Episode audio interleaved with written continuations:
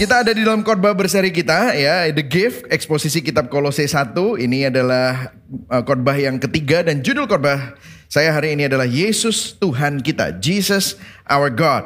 Dan kemudian kita akan membaca Kolose 1 ayat 15 sampai 20. Uh, minggu lalu kita sempat membaca 15 sampai 17 dan kita akan meneruskan sampai ayat yang ke-20. 5 ayat ini kita akan lihat sama-sama terutama nanti kita akan lihat 15, 18 19 dan 20 ya. Kita akan lihat bersama-sama. Saya akan membacakannya terlebih dahulu Kolose 1 ayat 15 kemudian saudara meneruskan yang kuning bersama-sama kita membacanya. Ia adalah gambar Allah yang tidak kelihatan yang sulung lebih utama dari segala yang diciptakan ayat 16 karena di dalam dialah telah diciptakan segala sesuatu yang ada di surga dan yang ada di bumi yang kelihatan dan yang tidak kelihatan baik singgah sana maupun kerajaan baik pemerintah maupun penguasa segala sesuatu diciptakan oleh dia dan untuk dia. Ia ada terlebih dahulu dari segala sesuatu dan segala sesuatu ada di dalam dia. Ayat 18, ialah kepala tubuh yaitu jemaat, ialah yang sulung yang pertama bangkit dari antara orang mati sehingga ia yang lebih utama dalam segala sesuatu. Karena seluruh kepenuhan Allah berkenan diam di dalam dia. Ayat 20. Dan oleh dialah ia memperdamaikan segala sesuatu dengan dirinya. Baik yang ada di bumi maupun yang ada di surga. Sesudah ia mengadakan perdamaian oleh darah salib Kristus. Berbagai orang yang mendengar firman Tuhan memelihara dalam hatinya dan melakukan dalam hidupnya. Poin saya ada tiga, saudara hari ini kita akan bicara tentang doktrin inkarnasi yang menyatakan bahwa Yesus adalah Tuhan. Kemudian yang kedua, hal apa yang terjadi dalam kehidupan kita saat Yesus menjadi Tuhan kita. Kemudian bagaimana kekuatan Injil untuk memampukan Yesus jadi Tuhan kita itu seperti apa. Dan kita akan memulainya dari poin yang pertama, doktrin inkarnasi menyatakan bahwa Yesus adalah Tuhan. Yang siap belajar katakan yes, yes. Oke, kita akan membaca bersama-sama ayat 15. Ia adalah gambar Allah yang tidak kelihatan. Nah saudara kalau saudara membaca kitab Injil di Yohanes 14 ayat 7 ada seorang murid Yesus Filipus yang bertanya. Karena waktu itu Yesus berkata bahwa kalau kamu ingin tahu siapa Allah, waktu kamu lihat aku, kamu melihat Allah. Kemudian Filipus bilang, melihat Bapak, Bapak, dia kata-kata Bapak, bukan Allah, Bapak. Kemudian Filipus bilang, Tuhan tunjukkan Bapak kepada kami, supaya kami puas, katanya begitu. Kemudian Yesus bilang, kamu ini sudah ikut sama aku, kok kamu gak ngerti-ngerti. Kemudian di 9b dia berkata begini, orang yang sudah melihat aku, sudah melihat Bapak. Artinya begini, satu A, Tuhan yang tidak kelihatan, Tuhan tuh nggak ada wujudnya. Tuhan itu roh, kita hanya bisa melihat karyanya. Tetapi melalui Natal, Tuhan yang tidak kelihatan berinkarnasi menjadi manusia, menjadi daging dan bisa disentuh dan bisa dilihat. Tuhan yang transenden menjadi Tuhan yang imanen, Tuhan yang personal, Tuhan yang berpribadi dalam bentuk manusia. Nah ini sesuatu yang luar biasa saudara. Karena kita nggak pernah melihat Tuhan itu bagaimana. Makanya Yesus waktu dia berkata sebelum Abraham ada, aku ada. Terus dia pakai kata-kata I am itu ego emi. Ego emi adalah kata-kata nama Allah waktu Musa tanya, Tuhan kau siapa? I am. Ego emi artinya I exist. Saya sudah sudah ada sebelum segala sesuatu ada. Dan Yesus mengatakan sebelum Abraham ada, aku ada, ego emi. Orang-orang langsung mau lempar batu kepada Yesus. Kenapa? Karena itu penghujatan. Karena artinya sebelum bapaknya orang Israel itu ada, Yesus sudah ada. Dan Yesus ada di penciptaan. Nah ini merupakan sebuah klaim yang sangat sombong. Either dia sombong, dia gila, dia pembohong, atau itu benar-benar dia adalah Tuhan. Jadi Tuhan yang tidak kelihatan berinkarnasi menjadi manusia, kelihatan menjadi daging dan bisa disentuh. Nah, kemudian selanjutnya kalau kita perhatikan di sini banyak orang menafsirkan salah. Terutama kalau saudara melihat ada sekte kekristenan yang sesat namanya Saksi Yehova.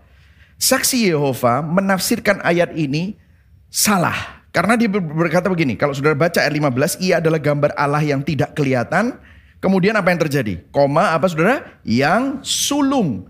Artinya, oh jadi mereka langsung berpikir begini. Ini, ini, Yesus ini adalah ciptaan pertama. Makanya saksi Yehova percaya ternyata ada guru sesat lain lagi yang juga percayanya mirip sama saksi Yehova tapi ngaku bahwa dia Kristen yang berkata bahwa ya eh, Yesus itu saudaranya Lucifer sama Adam. Adam sama Lucifer. Jadi Yesus pertama kali Lucifer diciptakan kedua, Adam diciptakan ketiga.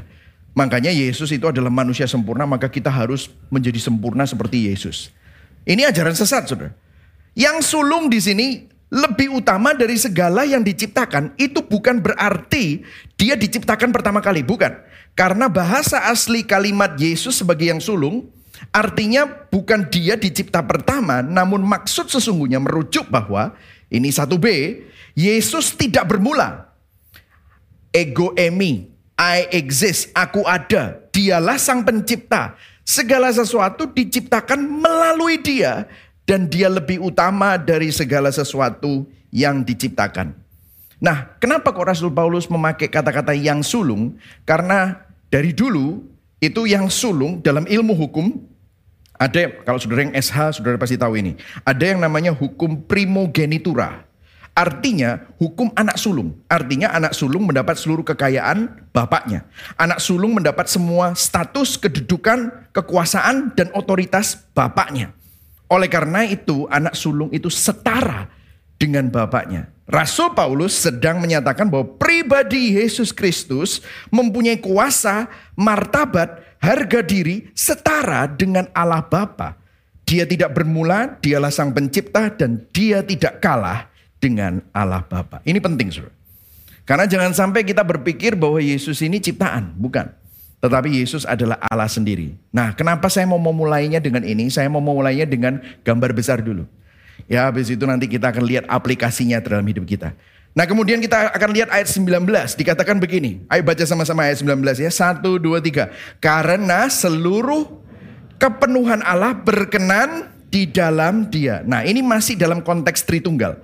Seluruh kepenuhan Allah berkenan di dalam dia. Bahasa aslinya pleroma. Pleroma artinya full. Nah selama bertahun-tahun saya mengerti Tritunggal itu seperti sepotong kue Terus dibagi tiga. Jadi satu sepotong kue itu Allah, tapi tiga pribadi. Satu potong bapak, satu potong anak, satu potong roh kudus. Saya berpikirnya seperti itu. Tapi Rasul Paulus menjelaskan tidak seperti itu. Tunggu, tunggu. Bukan seperti itu. Karena kalau sepotong Allah, jadi sepotong bapak, sepotong anak, sepotong. Artinya, terus itu kan kayak Google Five gitu loh saudara. Maksudnya begini, kalau Google-nya sendiri-sendiri, dia kuat. Tapi kalau berlima mereka bersatu. Google Five, wah itu jadi atau Power Ranger, Power Rangernya jadi lima, wah jadi kuat sekali gitu.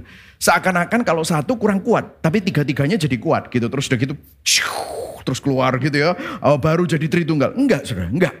Seluruh kepenuhan Allah berkenan diam di dalam dia. Maksudnya begini, Bukan begitu. Seluruh kepenuhan ketuhanan, seluruh kepenuhan Allah ada di dalam Yesus. Itu berarti Bapa, Anak, dan Roh Kudus tinggal bersama di dalam satu sama lain. Semua sifat-sifat Allah, tidak ada satupun sifat Allah, tidak ada satupun bagian dari ketuhanan yang tidak ada di dalam Bapa, Yesus Kristus, dan uh, Roh Kudus. Semuanya ada. Jadi atribut atribut-atribut Allah bukan hanya ada di Allah Bapa saja, bukan. Tetapi atribut-atribut dan kepenuhan Allah itu juga ada di dalam Yesus dan juga ada di dalam Roh Kudus. Nah, apa yang terjadi? Yesus, kepenuhan Yesus, eh, kepenuhan Allah di dalam Yesus itu tidak pernah dikosongkan. Jadi kalau saudara membaca Filipi bahwa dia yang tidak menganggap kesetaraannya dengan Allah sebagai milik yang harus dipertahankan, mengosongkan diri. Dia tidak mengosongkan kealahannya. Tetapi apa yang terjadi? Yang dia kosongkan adalah kemuliaan surga dia tinggalkan. Mengambil rupa menjadi seorang hamba. Mengambil rupa jadi kealahannya tetap tapi ditambahkan natur daging. Ditambahkan natur manusia. Jadi kealahannya tidak pernah berkurang. Tetapi ditambahkan natur daging dan natur manusia. Jadi kalau kita bisa melihat ya makanya ini Yohanes 10 ayat 30 dikatakan aku dan Bapa adalah apa Saudara? Satu. Ini melampaui apa yang dikatakan siapa pun dan di mana pun dan di dalam Alkitab ini merupakan kemutlakan keilahian natur ketuhanan dari Yesus Kristus. Makanya Yesus ya, waktu Thomas itu nggak percaya kan, Thomas dikasih tahu murid-muridnya, eh Yesus bangkit. Aku nggak percaya. Sampai aku mencocokkan tanganku di lobang tangannya sama lobang uh, lambungnya, aku baru percaya. Akhirnya terakhir Yesus menampakkan diri, terus Thomas ini lobang di tanganku, silakan cocokkan. Wah Thomas langsung menyembah, dia menyembah Tuhan, ya Tuhanku, ya Allahku. Kalau Yesus bukan Tuhan, dia kan ngomong gini, eh jangan sembah aku, aku bukan Tuhan. Tapi dia apa? Menerima penyembahan Thomas. Artinya Yesus benar-benar Tuhan. Kalau masih ingat ada seorang lumpuh yang Yesus lagi khotbah, atapnya dibongkar. Coba bayangkan saudara, rumah saudara lagi ada persekutuan doa, tiba-tiba atapnya dibongkar gitu saudara ya. Wah ini luar biasa ya. Teman-temannya bahkan mungkin bilang sama yang punya rumah, tak bayari semua. Kamu tak rumahmu tak renovasi baru gitu saudara ya. Terus waktu ada ada tilam diturunkan dari atap, terus orang lumpuh itu ber, berada di depan Yesus. Dengan ratusan orang karena rumah itu begitu penuh. Dan saudara tahu apa yang dilakukan Yesus? Yesus berkata, dosamu diampuni. Dan waktu dia berkata dosamu diampuni, itu orang-orang Farisi mau melempari dia dengan batu. Kenapa? Karena hanya Tuhan yang bisa mengampuni dosa. Jadi ini menunjukkan bahwa Yesus adalah Tuhan. Jadi kalau saudara lihat ya, ada banyak sekali keberatan-keberatan bahwa Yesus kalau Tuhan kenapa dia harus lahir jadi bayi yang tidak berdaya di palungan, di kandang lagi. Kenapa Yesus kok mati di kayu salib? Inilah kebijaksanaan Allah yang tidak tertandingi.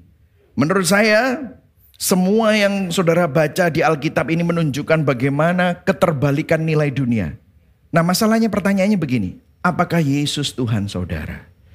Mungkin saudara berkata, ya Yesus Tuhanku. Tetapi, ini saudara, jika ha, jika bayi yang lahir di palungan itu benar-benar adalah Tuhan, maka hal apa yang terjadi atas hidup kita? Hari ini saya akan bicarakan tesnya apakah Yesus itu benar-benar Tuhan atau tidak di dalam hidup saudara. Saya masuk ke dalam poin yang kedua, oke? Okay? Nah, di sini kita akan spend a little bit more time. Hal apa yang terjadi dalam kehidupan saat Yesus menjadi Tuhan kita? Nah, sebelum saya mulai, saya membaca sebuah essay dari C.S. Lewis, essay teologi dan etik yang berjudul God is in the Dog. Dia berkata begini, mengenai orang yang ketemu Yesus itu benar-benar hidupnya dirubah. Dia berkata begini, kita dapat melihat bahwa Yesus tidak pernah dianggap sebagai sekedar guru moral. Dia tidak menimbulkan reaksi netral pada orang yang benar-benar bertemu dengan Yesus. Jadi orang yang ketemu sama Yesus gak bisa reaksinya netral. Dia menghasilkan tiga efek utama. Yang pertama, kebencian. Atau apa? Merasa terteror. Atau ketiga, penyembahan.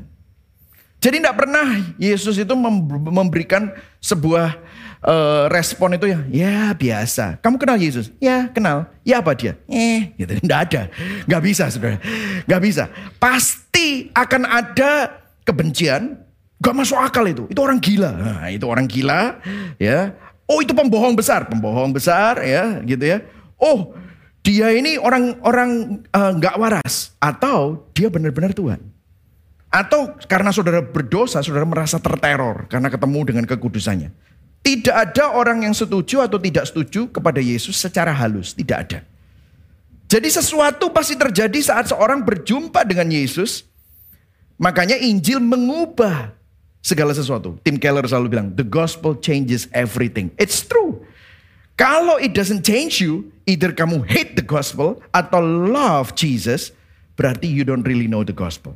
Kamu benar-benar tidak tahu uh, Injil. Nah, coba kita lihat di ayat 18b. Kita baca sama-sama. Ini adalah Alkitab yang mudah dibaca uh, versinya. Ya, kita baca sama-sama yang keras. Satu, dua, tiga. Jadi dalam segala hal dialah yang paling terutama, bukan hanya paling utama, paling terutama. Ini bahasanya sudah dipaksa, sudah. Tidak ada. Biasanya dia yang terutama. Tapi kata Yunaninya itu tidak, jadi dia superior di atas segala sesuatu. Supremasi. paling terutama. Nah pertanyaannya begini dulu, pertanyaan begini. Siapa yang mengambil tempat utama atau ultimat di dalam hidup saudara dan saya? Itu yang perlu kita jawab. Karena banyak orang bilang, ya Yesus yang terutama. Yang terutama di dalam hidupku. Wah itu hanyalah engkau Yesus gitu ya. Kita bisa nyanyi seperti itu. Tetapi betul nggak sih? Betul nggak sih itu yang terutama dalam hidup kita? Karena begini saudara. Kata-kata ini dalam segala hal. Termasuk pekerjaan. Termasuk jati dirimu. Nah saya nggak keluarkan uh, papannya. Tetapi saudara masih ingat Cerita saudara menentukan siapa? Identitas kita. Identitas kita menentukan apa? Perilaku kita. Cerita kita, siapa yang terutama dalam ceritamu? Apakah dirimu?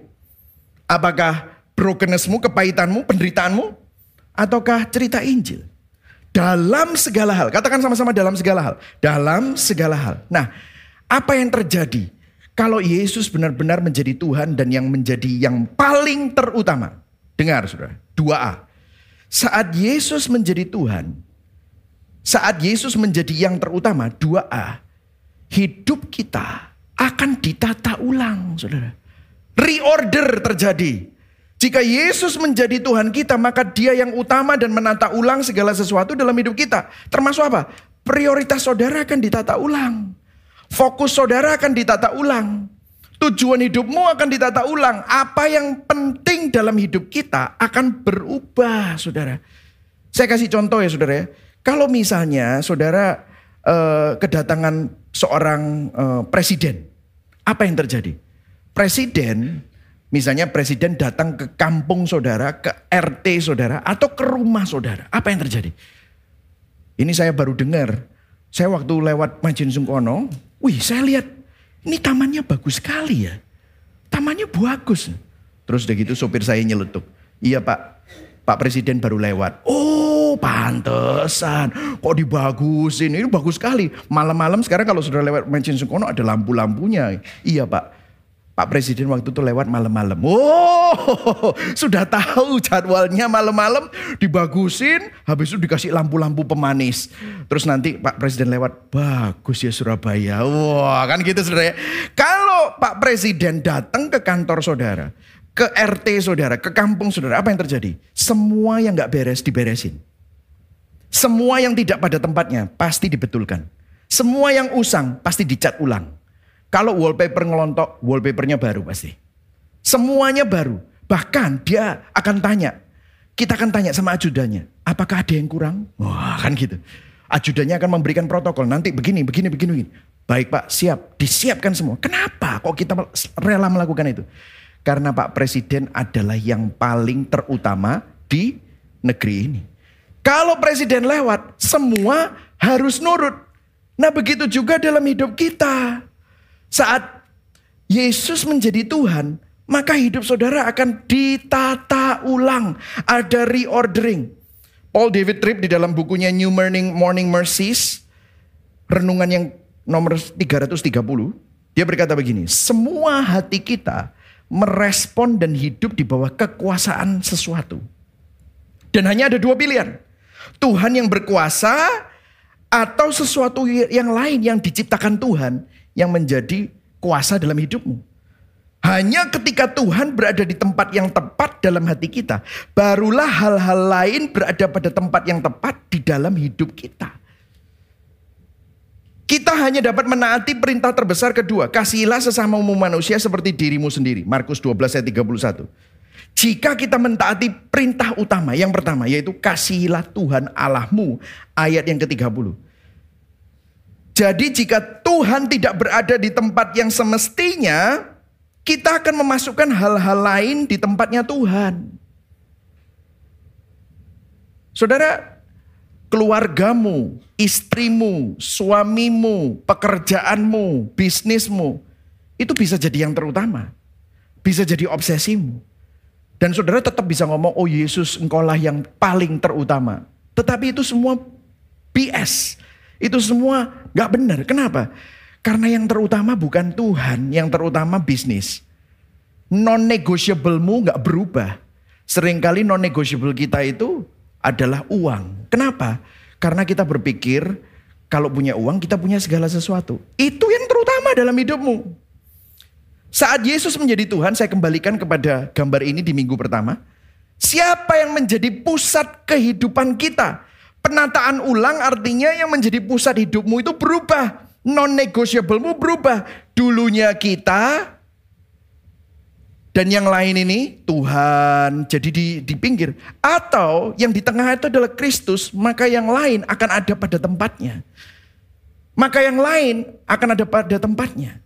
Sehingga kalau kita tidak sadar akan hal ini, kadang-kadang kita ini selalu menaruh ngomongnya Yesus adalah Tuhan. Tapi kita taruh di dalam pusat hidup kita adalah hal-hal yang lain. Jadi saudara kita perlu mawas diri. Coba dicek. Apakah saudara mengizinkan Tuhan menata ulang hatimu, menata ulang hidupmu, menata ulang prioritasmu.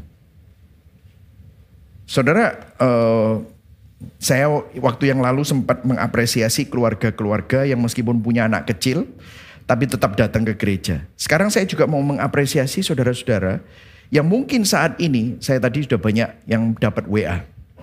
Saya dapat WA sebelum saya uh, apa menyiapkan diri untuk berkhotbah, udah ada banyak belasan. Pak, saya nggak ada di Surabaya, saya ada di luar kota. Tapi sebentar lagi mau live ini.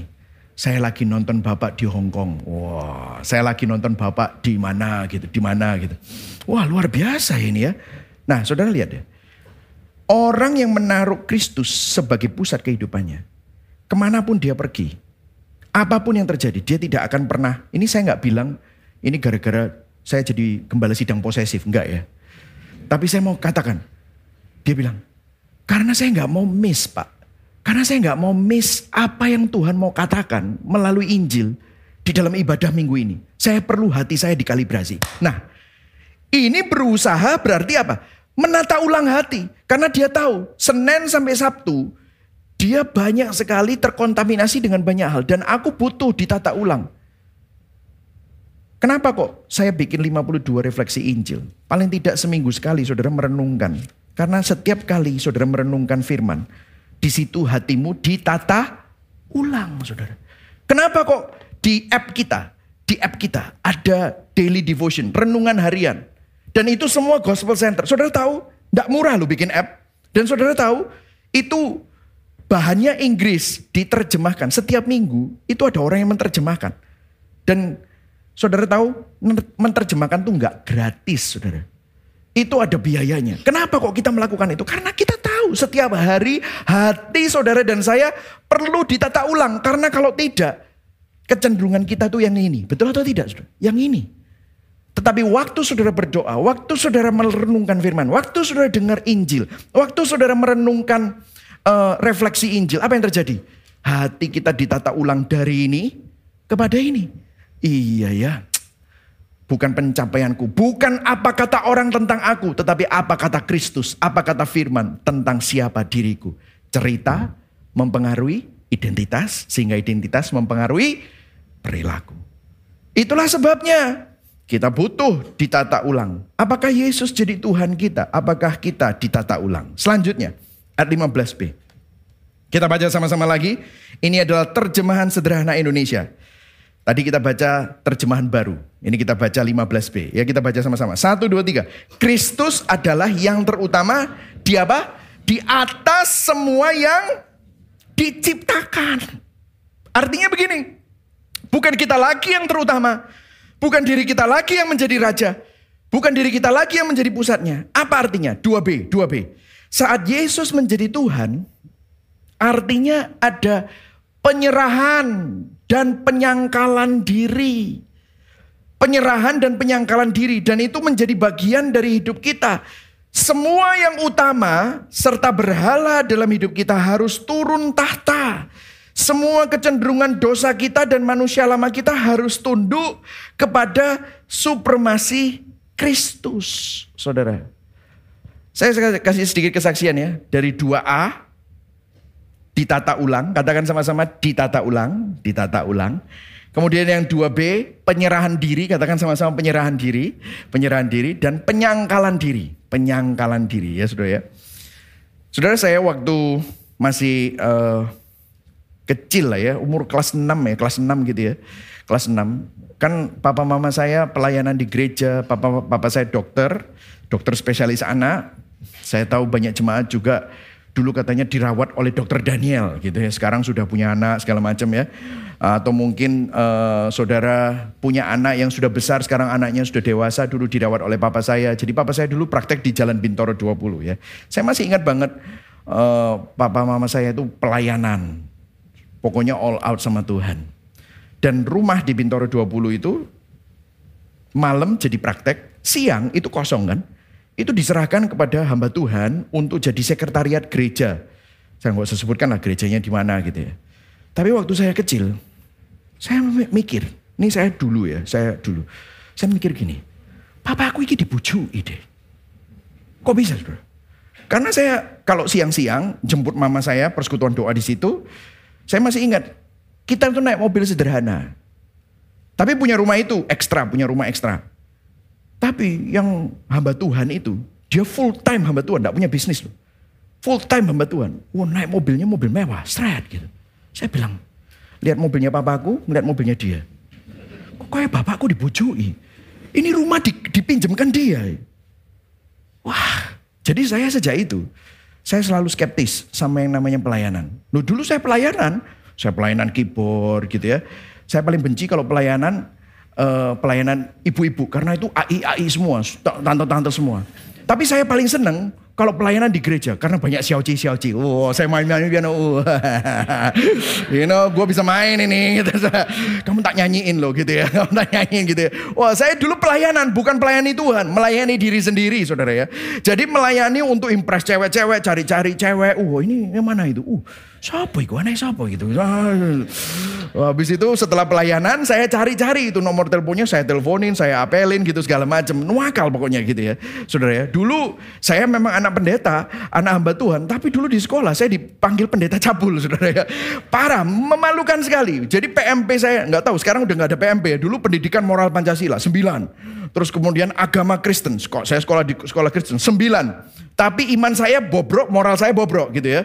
Uh, apa distributor majalah porno segala macam. Waduh, pokoknya dulu ada majalah porno ya. Sekarang udah ada nggak ada.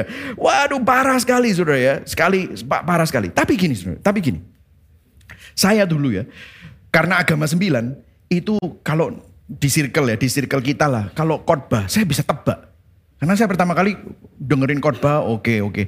Terus setelah beberapa kali saya saya mulai wah ini saya udah mulai tahu ini orang khotbah ini ke sini ke sini ke sini ke sini ke sini.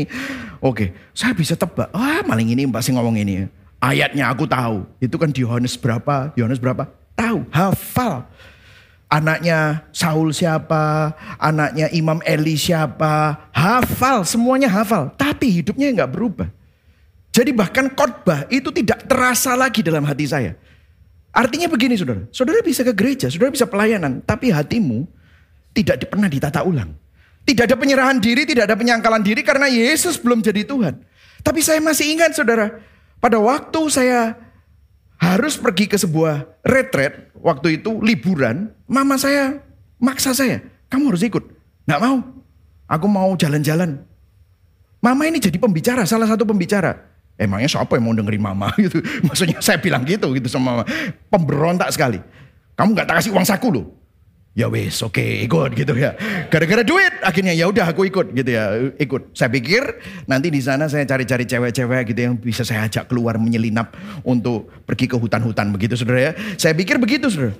Nah ini true story. Ini pemikiran saya dulu. Tapi saudara, saya ke sana, ini cara baik-baik semua. Nggak ada yang mau diajakin keluar menyelinap ke hutan-hutan, nggak ada yang mau saudara. Semuanya mau dengerin pengkhotbah ini. Ya, ya. Sopo sih pengkhotbah ini? Ya udah saya dengerin gitu ya.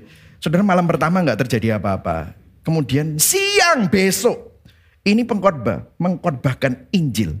Saya masih ingat banget, khotbahnya tuh simple. Tapi waktu saya dengar khotbah itu, Tiba-tiba semua yang di pikiran saya waktu saya party-party itu semua kosong. Saya ketawa-ketawa, ke party-party sambil minum-minum sambil rokokan segala macam. Itu kosong karena saya pulang begitu dengan kekosongan dan saya kepingin lagi. Karena apa? Saya kesepian dalam hati. Saya cari yang namanya kepuasan. Dan itu kosong banget. Dan dalam hati saya saya merasa berdosa sekali. Dan seakan-akan kamu butuh Yesus. Itulah sebabnya aku mati di atas kayu salib. Saya nggak bisa berhenti mengeluarkan air mata. Dan saya menangis saudara. Nangisnya bukan yang model-model yang bukan gitu saudara. Itu cewek-cewek yang tadi saya ajain Iki, lu tadi bukannya ngajain menyelinap keluar ke hutan-hutan. Lo kok sekarang jadi nangis-nangis seperti ini? What happened gitu? Saya menangis, saya dijamah oleh Tuhan. Dan apa yang terjadi waktu altar call, ya saya maju pertama kali. Dan ya hidup saya dirubah. Nah, singkat cerita itu. Apa yang terjadi? Kalau dulu teman-teman itu kumpul dan mereka mulai ngomong-ngomong bahasa-bahasa kotor Oh, kalau sama-sama cowok semua teman-teman bahasa kotor, saya harus lebih kotor dari mereka. Supaya saya, wah Michael ini paling gila memang. Wong, wong paling gendeng gitu saudara ya. ya kalau misalnya kita meso-meso, ah, saya meso yang aneh-aneh. Supaya membuat orang, wah ciamik-ciamik masuk, masuk, masuk gitu. Tapi waktu itu anak-anak itu semua lagi ngomong kotor. Saya tiba-tiba gak nyaman. Kenapa ya? Terus ditawari rokok, saya gak mau gaya saiki bertobat, bertobat. Yaudah, disebuli saudara. Waduh kurang ajar saudara. Waduh. Kenapa kok jangan nyaman ya? Saudara lihat apa yang terjadi. Hati saya ditata ulang. Hati saya ditata ulang. Dan pada waktu saya mulai melayani lagi. Saya melayani lagi. Aduh Tuhan ampuni ya. Dulu aku melayani itu mataku jelalatan cari-cari cewek. Tapi Tuhan, aku mau melayani itu yang benar Tuhan. Karena engkau sudah mati di atas kayu salib buat aku. Aku aku mau merubah. Tolong Tuhan jaga mata. Loh, tiba-tiba loh, tiba-tiba saya bisa punya hati seperti itu. Apa yang terjadi? Hati saya dirubah. Hati saya ditata ulang. Jadi begini saudara, saat Yesus menjadi Tuhan, tidak bisa tidak kita akan ditata ulang. Tidak bisa tidak hati saudara akan menyerahkan hidupmu kepada Tuhan dan ada penyangkalan diri. Saudaranya begini saudara, dunia berkata apa? Dunia mengatakan cintai dirimu sendiri, ikuti kata hatimu, lakukan semua yang memuaskan keinginanmu. Lo Yesus itu lawan dunia. Siapa? Ini Yesus ini nggak jago marketing. Yesus gak jualan. Lihat, apakah ini atraktif? Sangkal dirimu, pikul salib, ikutlah aku. Ini gak jualan. Sekarang gereja jualan, saudara. Tapi lihat, Yesus. Sangkal diri, ini berbeda dengan ini. Cintai dirimu sendiri. Yang sini, pikul salib. Yang dunia bilang apa? Ikuti kata hatimu. Kalau Yesus bilang, lawan kata hatimu, pikul salib. Dunia bilang puaskan keinginanmu. Yesus bilang ikut aku. Ini sangat bertolak belakang. Makanya Yesus gak jualan. Kalau saudara melihat orang yang ditata ulang, orang yang menyerahkan diri dan menyangkal diri, lihat, saya kembali kepada bagian ini ya. Kita sudah melihatnya di minggu yang pertama. Doa dan keinginannya bukan tentang dapat materi, dapat mujizat, bukan terobosan, bukan. Tapi Tuhan, gimana Tuhan hidupku yang singkat ini dapat mempermuliakan namamu. Tujuan hidupnya bukan untuk cari kekayaan dan untuk cari kesuksesan dan untuk mendapatkan pengakuan orang. Tetapi bagaimana Tuhan membawa kemuliaan. Tuhan bagaimana hidupku membawa kemuliaan bagi namamu. Doa dan keinginannya berbeda, tujuan hidupnya berbeda. Yang membuat dia sedih apa? Kalau aku berdosa atau melihat ada dosa orang lain dan merubah, membuat kerusakan di dalam hidup orang itu. Aduh aku sedih, aku punya empati, aku simpati, kasihan loh dia itu. Seperti itu, bukan rasain lu, syukurin lu gitu. Bukan gitu. Tapi kita punya empati dan kebahagiaan itu kalau Injil diberitakan, Injil dihidupi. Kita bisa pray, share, invite. Kita doain tiga orang. Kita mikirin bagaimana kita bisa menjadi berkat bagi orang lain. Dan identitas diri kita adalah aku memang masih belum sempurna. Bukan tempat untuk orang sempurna. Tetapi masih terus, Tuhan aku ini masih punya kecenderungan dosa. Rubahlah aku Tuhan. Identitas diri kita ada di dalam Kristus. Saudara saya baru ngerti setelah saya mengerti bahwa waktu saudara ketemu sama Tuhan, hidupmu ditata ulang. Hidupmu menyerahkan diri dan menyangkal diri. Setelah saya ngerti itu, setelah saya baca ini, dulu saya nggak ngerti. Setelah mengerti itu, saya sekarang ngerti apa maksud dari ayat ini. Lukas 14 ayat 26 sampai 27. Kita baca sama-sama ya. Satu, dua, tiga. Jikalau seorang datang kepadaku dan ia tidak membenci siapa? Bapaknya, ibunya, istrinya, anak-anaknya, saudara-saudaranya laki-laki atau perempuan, bahkan komplit saudara bayang no. Ia tidak dapat menjadi muridku. Ini adalah ayat yang paling ditakuti oleh orang-orang dari timur. Budaya Jawa budaya Indonesia, budaya Chinese, Tionghoa. Yesus lu ngajari kita, suruh kurang ngajar sama orang tua. Kata-katanya membenci. Dengar saudara.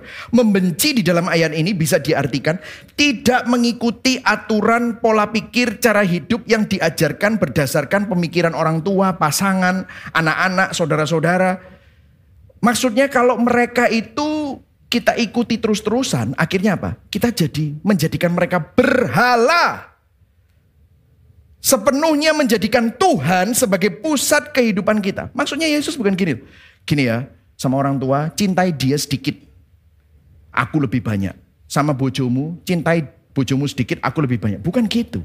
Maksudnya gini, kalau kita menaruh Tuhan di pusat kehidupan kita dan mencintai Tuhan lebih dari segala sesuatu, maka cintamu akan segala sesuatu itu akan tepat pada tempatnya. Dengarin saudara. Waktu Tuhan jadi boxnya, maka segala sesuatu dalam hidup kita akan ditata ulang dan indah. Karena semuanya tepat pada tempatnya. Mulai nangkap saudara. Jadi bukan berarti saudara disuruh gini loh. Tuhan 100%. Bukan, bukan. Tuhan 90%. Bojo 1%. anak satu persen juga, ya. Terus kemudian orang tua satu persen juga, gereja tujuh persen. Bukan gitu loh, saudara. Gak ada kayak gitu-gituan. Tapi Tuhan itu mau supaya saudara itu in order. Hidupmu itu tepat pada tempatnya. Makanya saya mau membawa bagian ini lagi. Saudara perlu belajar meninggalkan cara hidupmu yang lama. Unlearn. Dan saudara perlu belajar ulang. Relearn. Ini namanya deconstructing, reconstructing. Unlearn, katakan sama-sama, unlearn ya. Supaya saudara bisa relearn. Apa? Dulu saudara punya pandangan tentang keuangan itu persis seperti dunia. Serakah. Tentang pekerjaan segala-segalanya. Aku adalah pekerjaanku. Itu identitasku. Tapi sekarang hidupmu ditata ulang. Kamu menyerahkan dirimu kamu menyerahkan dan menyangkal diri. Sehingga kamu mempunyai pandangan yang berpusat pada Kristus. Cara pandangmu terhadap keuangan sekarang dilihat dari apa? Kacamatanya Kristus. Pekerjaan dari kacamata Kristus. Sehingga apa? Pekerjaan bukan lagi berhala. Anak bukan lagi berhala. Kesehatan bukan berhala. Tapi itu semua tepat pada tempatnya. Seks bukan lagi berhala. Pertemanan bukan segalanya. Tapi kita bisa menjadi pengelola yang baik terhadap keuangan pekerjaan, pertemanan kita. Sehingga kita memiliki masa depan, masa depan kita bukan pada financial security kita. Masa depan kita ada di dalam genggaman tangan Tuhan. Yang setuju katakan amin. Sehingga saudara dapat melihat ini semua. Berbeda. Nah mungkin saudara bilang gini. Iya pastor ngerti. Aku mau ditata ulang. Aku mau menyerahkan diri dan penyangkalan diri. Tapi susah. Betul atau tidak? Pasti semua orang bilang susah. Siapa yang bisa melakukan itu? Makanya saya selalu bilang kan kekristenan itu bukan susah. Kekristenan itu tidak mungkin. Makanya butuh Yesus. Inilah yang ketiga. Bagaimana kekuatan Injil memampukan. Kalau saudara bilang susah atau tadi saya bilang tidak mungkin. Coba kita lihat Yesus sebagai contoh kita. Pertama ya, contoh. Habis itu dia kekuatan. Apa yang menjadi kekuatan Yesus Kristus untuk menghadapi apa yang dia hadapi? Karena kalau kita ngomong tentang kehidupannya lebih susah, Yesus lebih susah. Dia meninggalkan kemuliaan surga untuk turun ke dunia dan tinggal di tempat yang paling kecil, lahir di tempat yang paling kecil, lahir di tempat yang paling najis, dan hidup jadi seorang anak tukang kayu. Itu lebih susah, saudara. Apa yang menjadi kekuatan Yesus Kristus untuk menghadapi apa yang dia hadapi? Petunjuknya ada di Ibrani 12 ayat 2. Ini di dalam versi Alkitab mudah dibaca. Saya akan bacakan yang kuning, saudara nanti baca yang putih. Ya, perhatikan. Marilah kita terus memusahkan perhatian kita kepada Yesus. Ia adalah pemimpin kita dan ia juga menyempurnakan iman kita. Ia menderita kematian di atas kayu salib. Tapi baca yang putih. Satu, dua, tiga. Tetapi ia menerima penyalipan yang memalukan itu seolah-olah bukan apa-apa. Karena apa? Sukacita yang ia lihat sedang menantikannya. Dan sekarang ia duduk di sebelah kanan tahta Allah di surga. Coba kita perhatikan di sini. Apa yang menjadi kekuatan Yesus pada waktu dia menghadapi semua penderitaan salib. Bahkan waktu saudara dia ada di taman Getsemani, dia berpeluh darah, dia bilang kalau bisa cawan ini berlalu daripada aku, namun bukan kehendakku, namun kehendakmu. Apa yang menjadi kekuatan? Yang waktu dia ada di kayu salib, dia bilang ampuni mereka karena mereka tidak mengerti apa yang mereka lakukan, tidak tahu apa yang mereka lakukan. Apa ini? Dengar saudara, Yesus menjalani penyalipan yang memalukan itu seolah-olah bukan apa-apa. Karena dia melihat sukacita yang menantikannya. Apa sukacita ini? Tahu nggak saudara? Karena waktu Yesus disalib tidak ada rasa mengasihani diri. Tidak ada loh. Dia tidak keberatan untuk menjalani salib bagi kita. Dia menjalani salib seolah-olah itu bukan apa-apa. Ringan. Dia berkata memang aku harus melalui salib. Yes, tapi it's okay. Salib itu nggak apa-apa dibandingkan dengan sukacita itu. Dengar saudara. Kalau kita mengerti sukacita ini, Natal akan menjadi akhir dari rasa mengasihani diri bagi saudara juga. Natal akan mengubah hati saudara untuk tidak melihat diri kita sebagai korban. Seringkali kita melihat diri kita sebagai korban. Ini gara-gara papaku. Ini gara-gara mamaku. Ini gara-gara kakakku. Gara-gara aku dicek. Aku ditipu. Oh ini gara-gara pemerintah. Ini gara-gara istriku. Ini gara-gara suamiku. No, no, no. When you understand sukacita ini kamu akan berhenti melihat dirimu sebagai korban. Kamu akan berhenti memandang apa yang kamu lakukan dan akan memandang apa yang dia lakukan. Saudara, kalau misalnya kita ini berkorban karena alasan apa pun, berkorban untuk gereja, berkorban untuk orang tua, berkorban untuk suami, berkorban untuk istri. Kalau kita melihat pengorbanannya, kita akan hitung-hitungan sama gereja. Kita akan hitung-hitungan sama istri, suami. Aku lu sudah begini, kamu kok nggak ngeresponi? Betul nggak saudara? Kenapa? Karena saudara ngelihat pengorbananmu. Kamu akan hitung-hitungan sama Tuhan kalau kamu ngelihat pengorbananmu. Apa yang menjadi sukacitanya Yesus? Yesus menjalani ada sukacita. Karena apa? Dia mendapatkan saudara. Dia mendapatkan kita. Dia menyelamatkan saudara. Itu sukacitanya. Bagaimana dengan kita? Apa yang menjadi sukacita kita? Pada waktu kita melakukan segala sesuatu, apa sih yang menjadi sukacita kita? Seringkali yang menjadi sukacita kita itu adalah hal-hal yang fana. Kalau tadi kan Tuhan Yesus bilang gini, kalau kamu tidak membenci ayahmu, ibumu, saudaramu laki-laki, saudaramu perempuan, bahkan nyawamu sendiri kamu tidak bisa jadi muridku. Saudara, di Markus 10 ayat 29 dikatakan begini. Saya baca yang putih, sudah nanti baca yang kuningnya. Jawab Yesus, Aku berkata kepadamu, sesungguhnya setiap orang yang karena aku dan karena Injil meninggalkan rumahnya. Saudaranya laki-laki atau saudaranya perempuan, ibunya atau bapaknya, anak-anaknya atau ladangnya. Ayat 30, baca sama-sama. Orang itu sekarang pada masa ini juga akan menerima kembali Seratus kali lipat. Apa saja? Rumah, saudara laki-laki, saudara perempuan, ibu, anak, dan ladang. Sekalipun disertai berbagai penganiayaan. Dan pada zaman yang akan datang ia akan menerima hidup yang kekal. Loh, wah ini ayat yang paling disukai oleh para pengajar teologi kemakmuran. Eh, tinggalkan rumahmu. Nanti kamu dapat rumah seratus kali lipat. Wuh, tinggalkan istrimu itu. gitu saudara. Nanti kamu dapat istri seratus kali lipat gitu ya. Ini bahaya saudara kalau kalau kalau ditafsirkan begitu. Tapi dengar dengar. Dengar dengar. Apa sih yang dimaksud?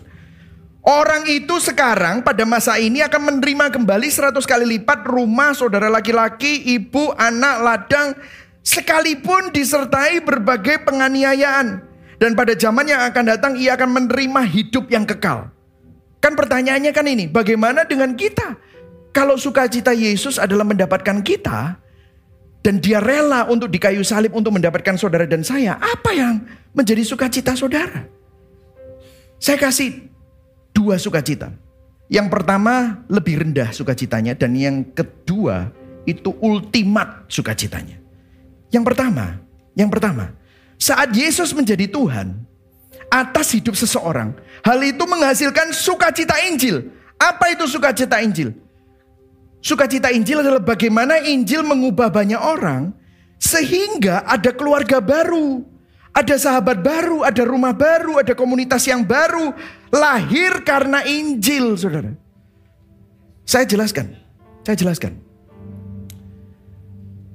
Di masa-masa Natal ini, saya visit, diundang juga beberapa care group. Saya kenal sama care group leadernya, saya kenal sama core teamnya, tapi saya nggak kenal sama member-membernya. Saya duduk di beberapa care group, saya kenalan. Waktu kenalan semuanya lagi rame-rame makan, saya dengerin cerita mereka. Wah pak, bapak saya mau kasih kesaksian sedikit ya. Wah, tahu nggak pak, saya ini sudah kecewa sama Tuhan. Pada masa COVID adalah masa terendah saya. Saya sudah mau meninggalkan Tuhan. Tapi somehow saya stumble sama YouTube Gibeon Church. Saya dengar khotbah Pastor Nathan. Saya dengar khotbah Pastor Mike.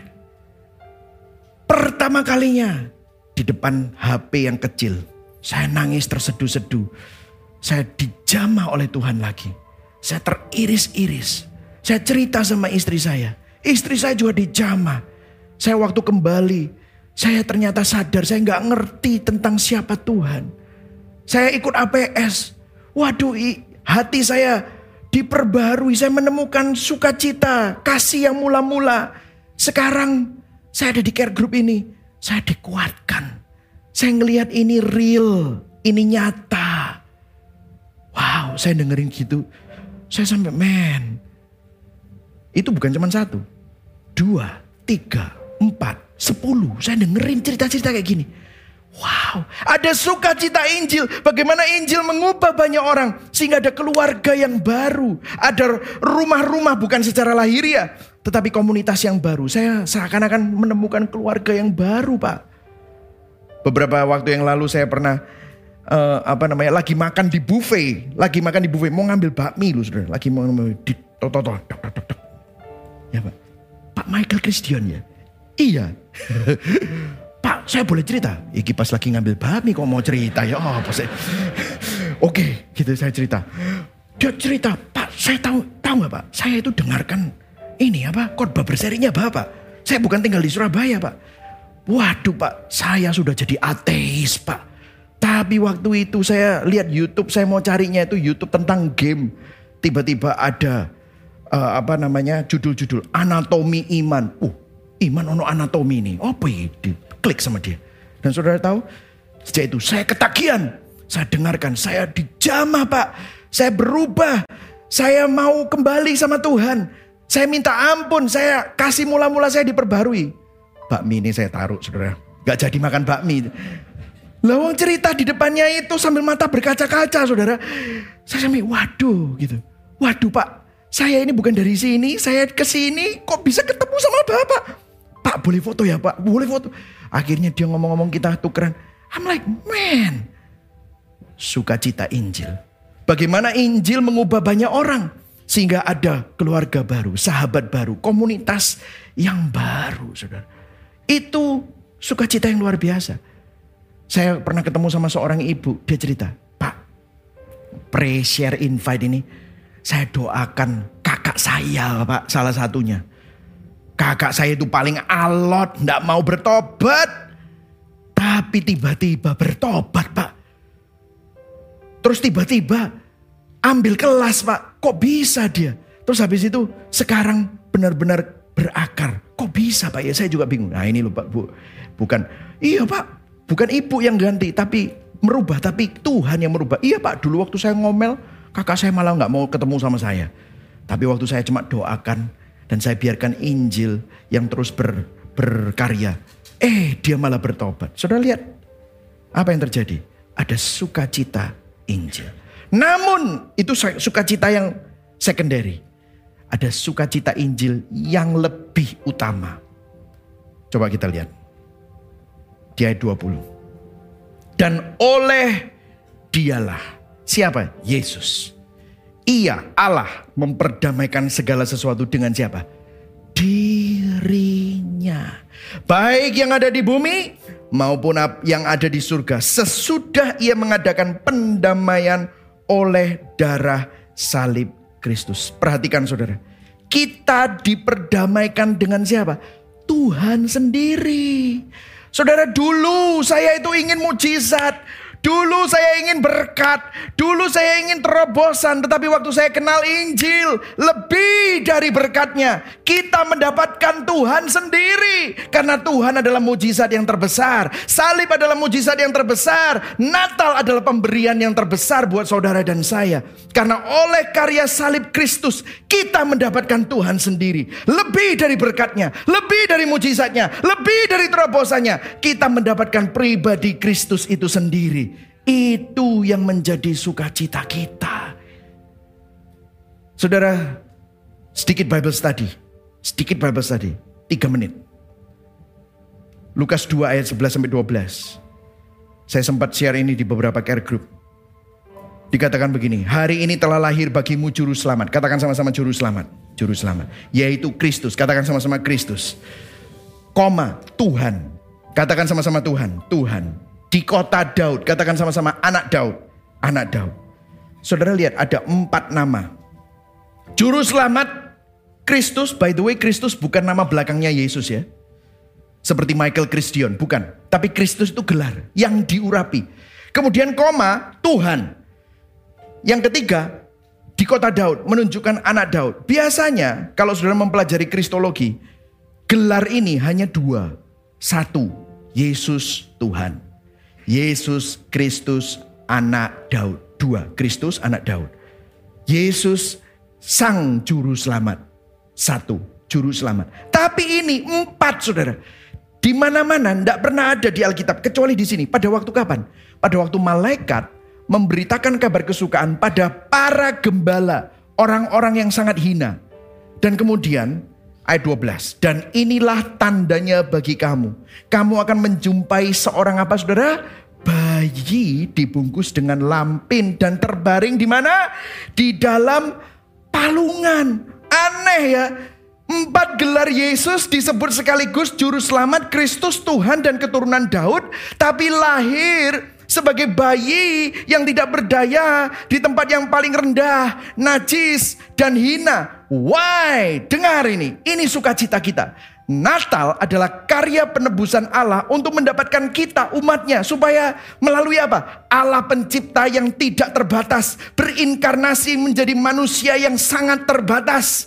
Allah yang perkasa menjadi bayi yang tidak berdaya yang bisa digendong yang tidak berdaya. Allah yang mulia lahir menjadi bayi yang tidak berdaya di palungan yang paling hina.